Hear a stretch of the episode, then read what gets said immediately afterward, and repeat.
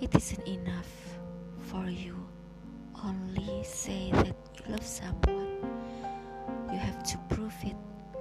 You have to give them your time, your affection, your attention. Give her prayers and everything the best for her.